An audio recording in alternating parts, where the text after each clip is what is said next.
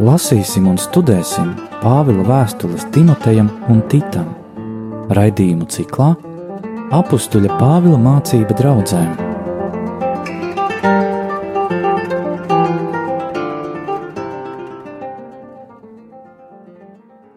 Slavēts Jēzus Kristus. Mūžīgi mūžos slavēts Studijā atkal ir Stela, un Anģela. kā mēs atkal tiekamies šajā nesaprotamajā laikā un turpināsim lasīt, ko Pāvils māca draudzēm.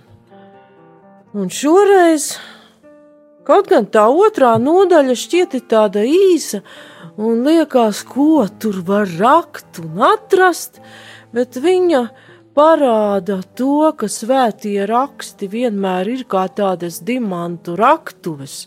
Tu cilvēks lasi, lasi, rots, rots, un tur atkal atklājas slānis pēc slāņa, un viens vai divi teikumi aizved vēl uz kādām rakstu vietām, kas teikto paskaidro tuvāk, Un jāsaka, ka apustulim Pāvilam viņa tekstiem tas ir ļoti raksturīgi, un nereti ir notikuši lieli pārpratumi, un pat tādi teoloģiski kašķi daudzu gadsimtu garumā, tādēļ, ka svētie raksti nav skatīti kopumā kā viens Pāvila teksts papildina citu, vai pat kā šis viņa teiktais veido saskaņu ar kādu citu vēstuli vai pat citu vecās vai jaunās derības grāmatu, kā mēs varam atcerēties to mūžīgo kašķi par taisnību ticībā vai taisnošanu pēc darbiem, kaut gan tādu kopsavilkumu tam kašķim dod apustuls Jēkabs vēstulē ar teikumu, ka ticība ir bez darbiem ir nedzīva. Un šodien mēs atkal varam pievērsties tieši tāda uh, rakstura īsiem fragmentiem no pirmās vēstules Timotejam otrās nodaļas, kur ir runāts, jau iepriekš nedaudz pieskārāmies tam par lūkšanu un pieminētas arī sievas, jeb sievietes, Un, kā jau iepriekš minēju, izskatās, ka tur ir tāds pilnīgs un absolūts sievietēm turēt muti. Un tad nav brīnums, ka viņas patreiz ir sacēlušās un visur grib muti vērt vaļā vietā un nevietā, bet skatīsimies kopā ar citiem tekstiem, ko ir rakstījis pats apustulis Pāvils, kas ir vecā derībā, kas ir jaunā derībā, un kāda tā kopumā ir apustuļa Pāvila tāda dziļākā attieksme pret sievieti, un tad mēs nonāksim līdz secinājumam, ka lai Dievs dod, ka tā ģimenēs būtu, tad nebūtu nekādas vardarbības. Bet par to jau pēc muzikālās pauzes, ieejot tieši pašā tekstā.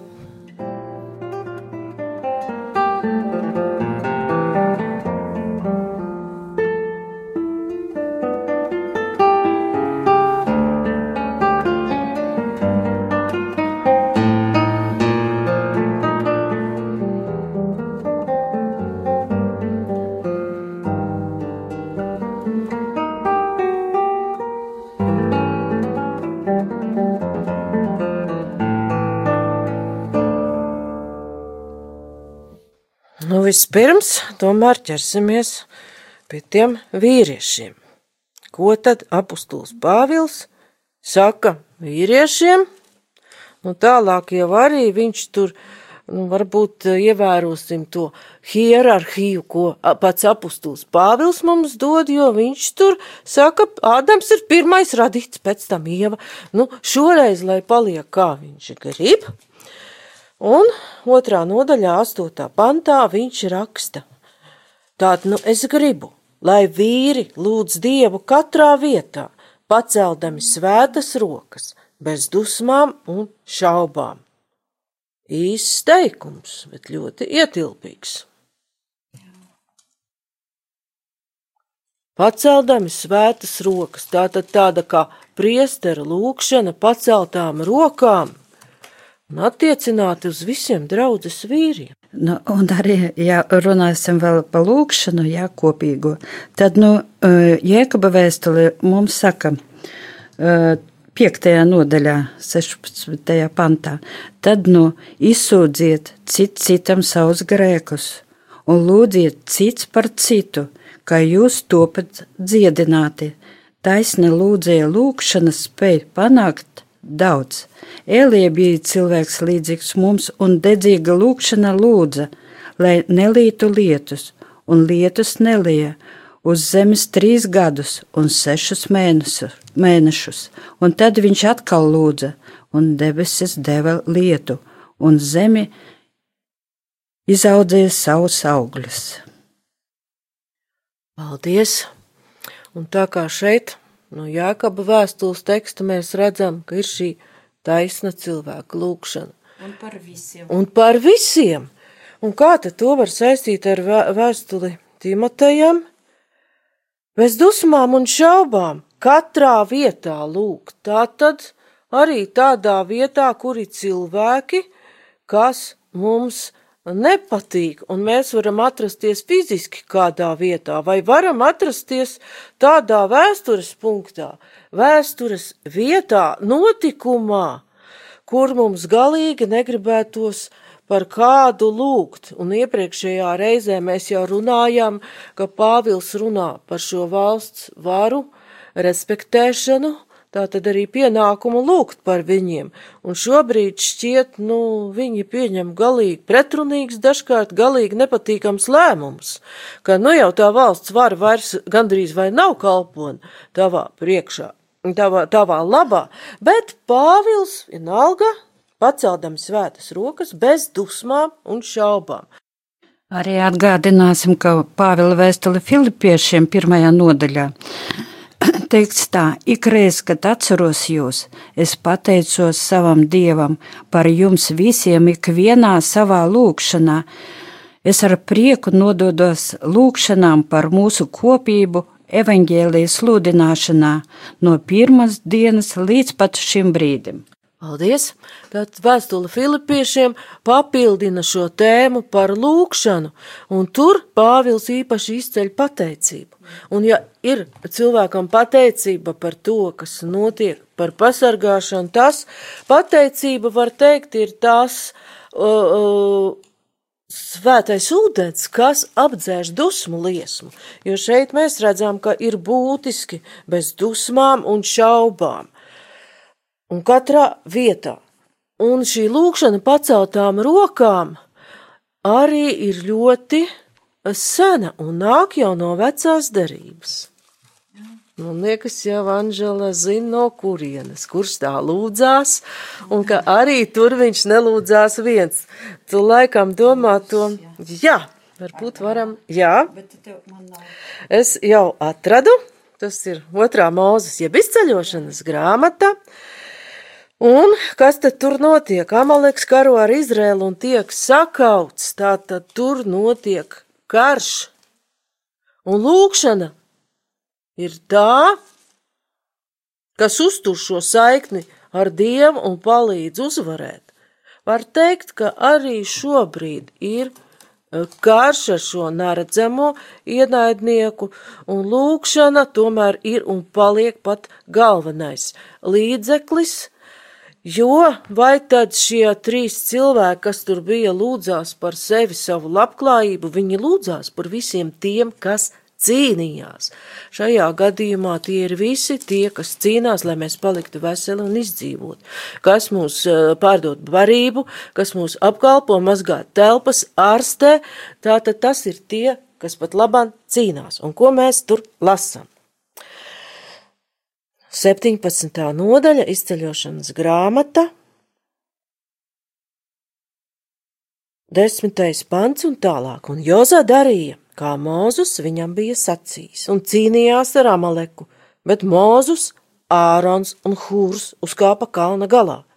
Un notika, kamēr Mūzus savu roku turēja paceltu, Izraels ņēma virsroku. Bet, kad Mūzus savu roku nolaida, Vistu roku ņēma Amaleks.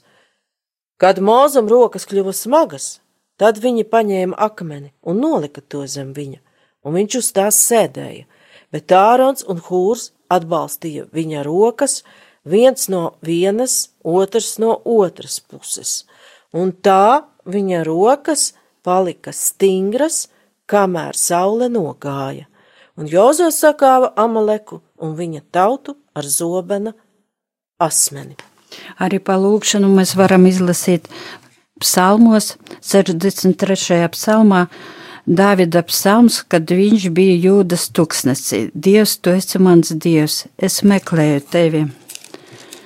Pēc tevis slāpst mana dvēsele, pēc tevis tvīkst mana miesa, kā izkaltusi un gurda zeme bez ūdens.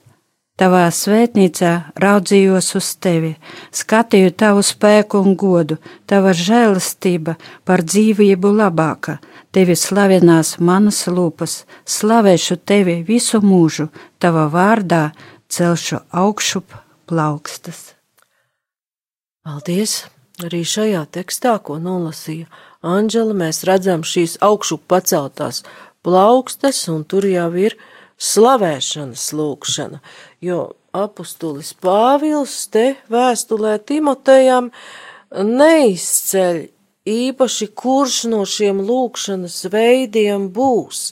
Katrā vietā paceldam svētas rokas, tātad tur var būt visdažādākā lūkšana par kādu vajadzību, pateicībā, slavēšanā, un kā jau redzējām par šīm paceltajām rokām, un mums šķiet, ka tas it kā vairāk būtu attiecināts uz priesteriem, un vai vienkārši cilvēks tā varētu lūgt, un kur nu vēl, un vai tiešām tikai vīrieši, jo nu, dažreiz sievietēm arī rodas sirdī šī vēlēšanās pacelt rokas uz augšu, tādā veidā lūdzot kungu, Un tad eh, varbūt kāds tāds ļoti pie burta piesējies cilvēks teiktu, nu jau uzvedas kā priesters.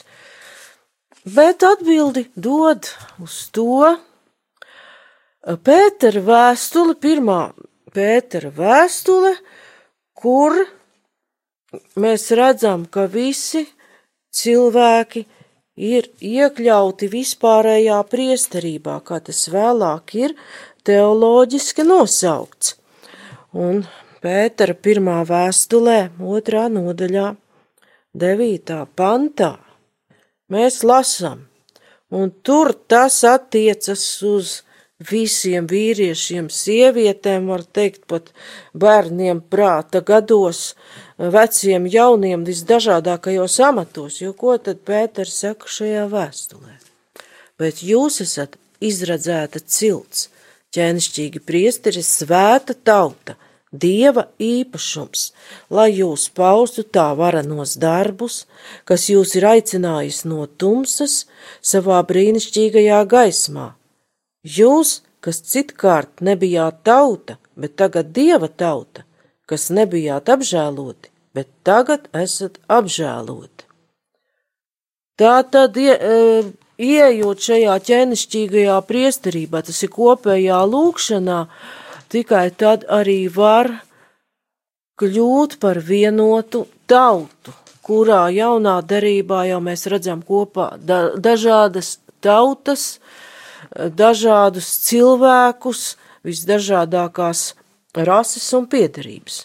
Un ko saka Pāvils vēstule galatiešiem jau 9. nodaļā atvainojos trešajā nodaļā. Ticībā uz Jēzu Kristu jūs visi esat Dieva bērni, jo jūs visi, kas esat uz Kristu kristīti, esat ieterpti Kristū. Tur nav ne jūda, ne grieķa, tur nav ne verga, ne brīvā, tur nav ne vīrieša, ne sievietes. Jūs visi esat viens Jēzu Kristu. Un ja jūs piedarat Kristum, jūs esat Ābrahama pēcnācēji, mantinieki pēc apsolījuma. Paldies! Tātad ar šo vēstuli galatiešiem tas, ko Pāvils saka vēstulē Timotejam pa lūkšanu, arī, kas ir teikts pirmajā Pētera vēstulē, kā jebkurš var ieiet šajā dieva tautā, un caur lūkšanu tā tad var ieiet. Tas ir viens no veidiem. Tad tur tiek dots tāds kopsavilkums, kas notiek, ja cilvēki ir Kristū, ka tur nav visas šīs būtiskās atšķirības, Un kas tad, kā mēs saprotam šeit jau, kas ir Kristus miesa? Tā tad cilvēki, kuri ir baznīcā. Mēs jau varam nonākt līdz šim secinājumam, bet pēc mūzikas pauzes jau pievērsīsimies tēmai par sievietēm.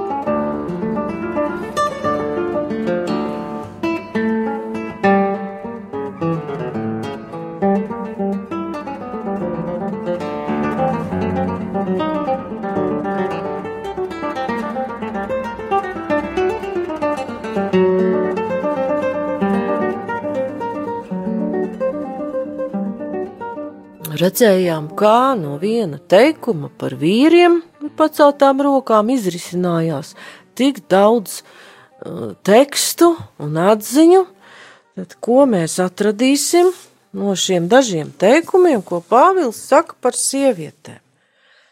Nu, it kā mūsdienas sieviete, un ja viņa vēl tur ir tāda ļoti pašapzinīga, varētu būt spuras gaisām.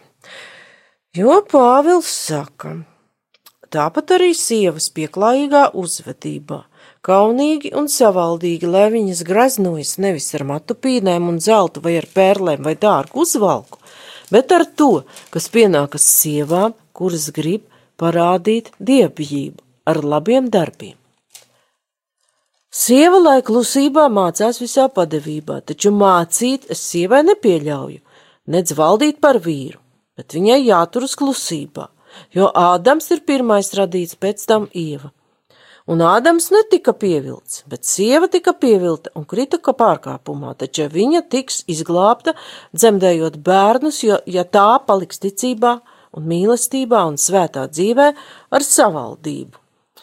Nu, diezgan diskutabls teksts no mūsdienas sieviešu viedokļa, bet, ja mēs skatām kopā ar citiem, Bībeles tekstiem par sievieti un arī par to, ko pats Pāvils ir uh, rakstījis, īpaši par vīriešu attieksmi pret sievieti, nez vai būs tik briesmīgi. Un arī šeit. Tā pavirša skatoties uzreiz būs tāds aizkaitināts brēciens, saka, tā, es pat nevaru glīti apģērbties. Bet vai Pāvils aicina staigāt tur eh, maisā un briesmīgā paskatā, nebūt nē. Viņš ar šo teikumu aicina sievietes neizvirzīt šo graznošanās maratonu kā pašmērķi. Un pieklājīga uzvedība, uz kuru viņš aicina, vienmēr ir visnotaļ noderīga un uh, Mūsdienās jau pat ir vesels uzvedības etiķetes ekspertu pulks, kas māca vīriešu un sievietes pieklājīgi uzvesties. Tā kā Pāvils nenonicina ne to zeltu, ne pērles vai dārgu uzvalku, bet viņš tomēr atgādina, ka vispirms ir jābūt šiem labajiem darbiem, kas padara dieva bijāšanu dzīvu. Un tos var no visas sirds darīt. Gan sievietes dārgā uzvalkā, gan sievietes vienkāršā uzvalkā.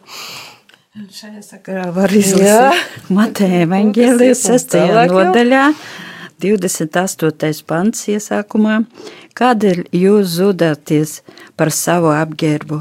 Mācieties no līlijām pļavā, kā tās aug, ne tās nopolās neverpj bet es jums saku, pat Sālamans visā godībā nebija tā tērpies kā vienu no tām. Ja nu Dievs pļavas zāli, kas šodien ir, bet rīt tiek iemesta krāsni tā ģērb, cik gan daudz vairāk jūs, jūs, masticīgie, tādēļ nezudieties sacīdami, ko ēdīsim, ko dzersim, ko vilksim mugurā, jo pēc visa tā pagāna dzenas – Jūsu debesu Tevs zina, ka jums visa tā vajag. Meklējiet vispirms Dieva valstību un Viņa taisnību, tad jums visa pārējais tiks iedots. Paldies! Tātad Mateja evaņģēlijas izvērš tālāk šo tēmu, ka Vispirms meklējot dieva valstību, tas pārējais arī tiks iedots, un nevelti tur ir šis salīdzinājums ar šiem ļoti krāšņajiem un skaistajiem augiem. Lilijā. Jā, lilijām. No, un, ja mēs paskatītos tagad, daudz sēž mājās internetā, apskatītos, kādi svētajā zemē ir šie augi, lilijas un citi krāšņi ziedi, tad mēs varētu saprast, uz kādu krāšņumu un skaistumu būtībā cilvēks ir aicināts, gan iekšēji, gan ārēji. Nu, kāpēc tad Pāvils tā tur piesienās pie tās mācīšanās. Mācīties, kā redzam, viņš atļauj visā padevībā. Bet te varam saprast, ka tas ir arī Pāvila personisks viedoklis, jo viņš raksta tā pirmajā personā, taču mācīt es sievai nepieļauju, tā tad ir ļoti spēcīgs viņa paša viedoklis, un varam pajautāt, kāpēc. Zinām jau no iepriekšējiem raidījumiem, ka Pāvils ir farizējs, mācījies pie Gamaliela, tātad kārtīgs vecās derības jūts. Un šajā kultūrā sieviete nebija tāda pašpietiekama būtne, kas visu var par sevi noteikt. Sieviete vīrietim bija, nu, var teikt, tikpat kā mājas inventārs. Un cik es atceros, ka šajā kultūrā bija arī tā līgavas izpirkšanas maksa. Bet tajā pašā laikā, līdz pat mūsu dienām, tomēr jūdu ģimenēs, arī ebreļu ģimenēs pret sievieti ir liela cieņa, un ebreji tiek uzskatīti par ļoti labiem vīriem un tēviem. Tad, neskatoties uz to, ka tajā laikā arī bija šī beztiesība, tai pašā laikā bija tomēr vīrietis aicināts uz labu izturēšanos pret sievieti, un Jēzus vēl vairāk to nostiprina, pat atgādinot, ka šķiršanās raksts nav atrisinājums, ka tev ir jādzīvo uzticīgā laulībā.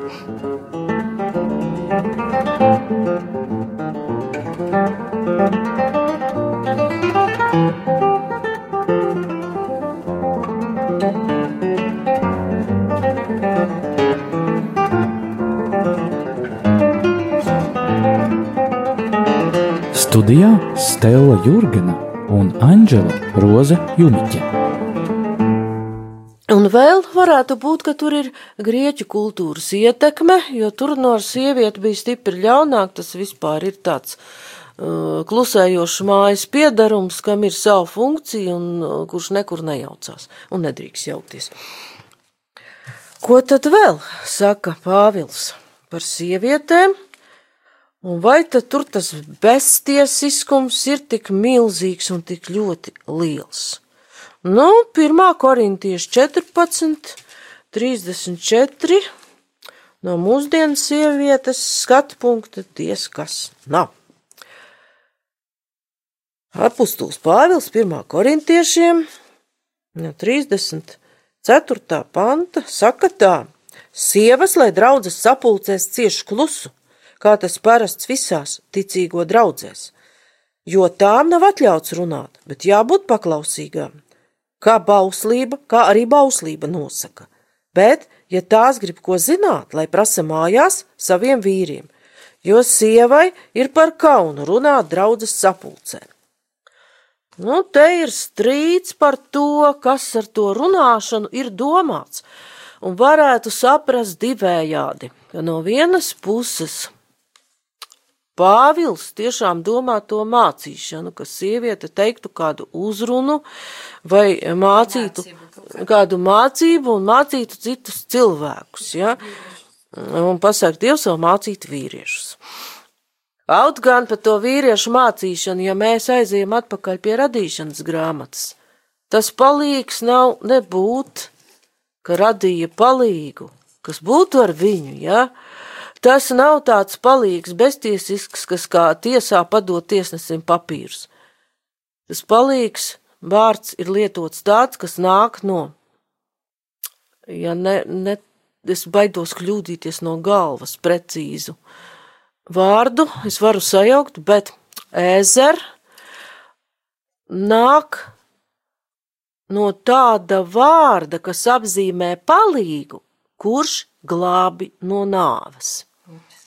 Lūk, tā, tā tad par tādu palīgu ir runa. Es arī varētu izlasīt, varbūt, Jā.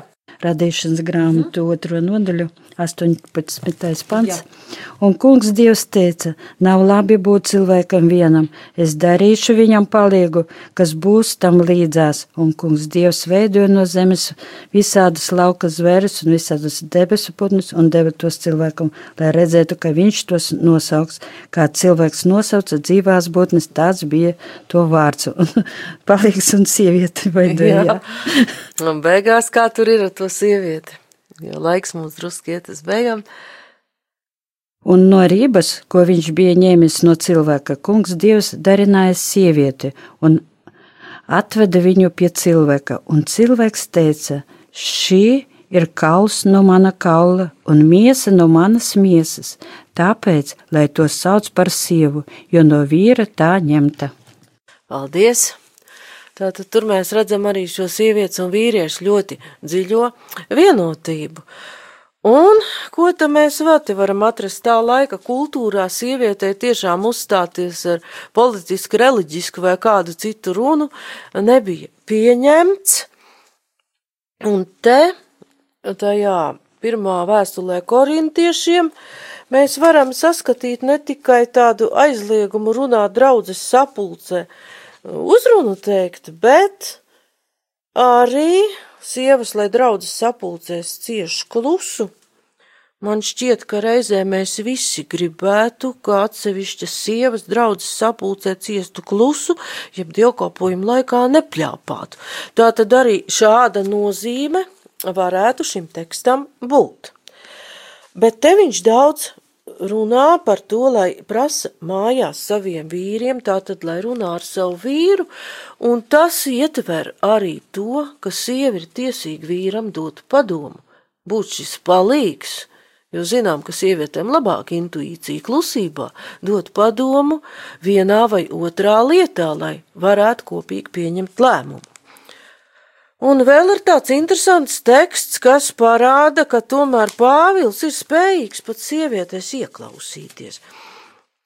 Tā pati pirmā vēstule korintiešiem, tur ir tāda 11. nodaļa, kur ir iekšā diezgan interesantas lietas. 11. nodaļa un 5. pants. Tur ir tas teksts, par sievas galvas apsekšanu un neatsekšanu, un zinām, ka mūsu brāļi pareizticīgie līdz šai dienai ļoti stingri skatās, lai sievietēm būtu svārki mugurā, un galvas ar kādu lakatu apsektas. Un apustulis Pāvils šeit raksta, piektā nodaļā, bet katra sieva, kas ar neapsektu galvu lūdz Dievu, vai runā kā praviete, dara kaunu savai galvai jo tā ir tāpat kā apcirpta. Ja sieva neaizsardzas, tad lai tā arī apcērpas, bet tā kā tas sievai ir par kaunu, ka tā ir apcirpta vai noskūta, tad lai tā aizsardzas. Tā tad redzam, ka Pāvils runā par sievieti, kura pravieto. Un kāpēc tur ir runa par galvas apsegu un to apcirpšanu? Tā vēstule ir rakstīta Korintas draudzēji, un Korinta bija pilsēta, kurā bija daudz prostitūtu. Un kā prostitūtas galvenā amata zīme bija šie apcirptie mati. Un tieši šādā kultūras kontekstā varam saprast, kāpēc apustulis Pāvils par to tā pamatīgi runā. Un vai mēs sievieti pravieti vēl redzam rakstos, arī jaunā derībā viena ir. Jā, un eh, Lūkas evangelijā mēs varam lasīt, un viņa dzemdē dēlu savu pirmdzimto, ietina viņu autiņos un guldīja silē, jo tiem nebija vietas augšsistabā. Tajā pašā apvidū gani nomodā zem klājas debesis sargāja savus ganāmpulkus un kunga eņģelis tiem piestājās, kunga godība viņus apmirdzēja, un tie ļoti izbijās. Eņģelis tiem sacīja: Nebīsties, redziet, es jums pasludinu lielu prieku, kas būs visiem ļaudīm, jo jums šodien Dāvida pilsētā ir dzimis pestītais, kas ir Kristus kungs. Paldies! šeit varbūt tas viss vairāk pat attiecas uz Mariju, bet tur bija vēl viena tieši pravieta. Nu, es domāju, uzreiz. saistībā tur drusciņi bija savādāk, jo ko tā pravieta tur labi darīja. Un saprat, saprotam no Lūkas evaņģēlija, un to dara arī izlasīt, ka šī pravieta bija bijusi arī kādu laiku ģimenes cilvēks, atraitne, Un Lūkas evanģēlijā otrā nodaļā mēs redzam tādu ļoti godājamu sievieti, kura dzīvo templī. Un tas jau ir tālāk, kad ir jau šī vēsts pasludināta, Kristus ir dzimis, gan ja viņi ir atraduši, un Jēzus tiek nests kunga priekšā. Un šai pašā otrā nodaļā Anģēla iesāk šos notikumus, kurus es tagad turpināšu lasīt. 36. pantā mēs lasām, un tur bija praviete Anna, Vanuēla meita no Ašera cilts. Tā bija ļoti veca, un pēc savām meitas dienām viņa bija dzīvojusi septiņus gadus ar savu vīru. Un tā bija atraitne ap 84 gadiem. Tā nešķīrās no tempļa, bet kalpoja dievam dienām un naktīm ar gavēšanu un lūgšanu. Tā arī tai pašā stundā piegāja un slavēja to kungu, par to runādama uz visiem, kas Jeruzalemē gaidīja uz pestīšanu. Tātad šeit mēs redzam, ka praviete Anna runā uz visiem un runā par Kristu. Un, ja atceramies augšām celšanās stāstu, tomēr pirmās par to vēstīs sievietes. Tātad kopsumā Bībelē sievietes nemaz tik beztiesīgas nav, jau sākot ar soģi Deboru, par kuru mēs varam lasīt soģi grāmatas 4. nodaļā, kas arī bija precēta sieviete un vadīja Izraēļu tautu. Līdz pat sievietēm, kuras liecina par augšām celto Kristu. Tātad sievietēm tā situācija svētajos rakstos nemaz tik traģiska nav. Un nākamā reiz, reizē, pirms pievērsīsimies vēstules Timotei trešajai nodaļai, nedaudz vēl palūkosimies, ko Pāvils saka par atraitnēm, attieksmi pret viņām. Tātad arī jau izlasīsim daļu no piektās nodaļas, bet šoreiz savilksim kopā to visu ar tēmu. Un tagad, kā jau iesākām, beigsim ar lūkšanu. Lai kungs svētī un palīdz visiem, tagad, kas cīnās ar slimību, lai viņš ņem savā patvērumā, savā aizsardzībā visus ārstus, māsas, sanitārus, visus, kas strādā veikalos, pakalpojumu vietās, kas palīdz mums dzīvot uz priekšu.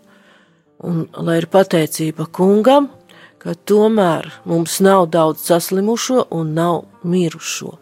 Un atvēlēsim visus viņus un arī mūsu valsti jaunams Marijas Un aizbildniecībai. mūsu klausītājs, ja? arī mūsu garīgo kārtu, arī mūsu arhibīskapu, un lūksim. Esi sveicināta, Marija, žēlastības pilnā, kungs ir ar tevi. Tu esi svētīta starp sievietēm, un svētīts ir tavas miesas auglis Jēzus. Svētā Marija, Dieva māte, lūdz par mums grēciniekiem, tagad un mūsu nāves stundā. Āmen! Studijā bija Stela. Un Anģela. Paldies par uzmanību! Apustuļa Pāvila mācība draudzēm.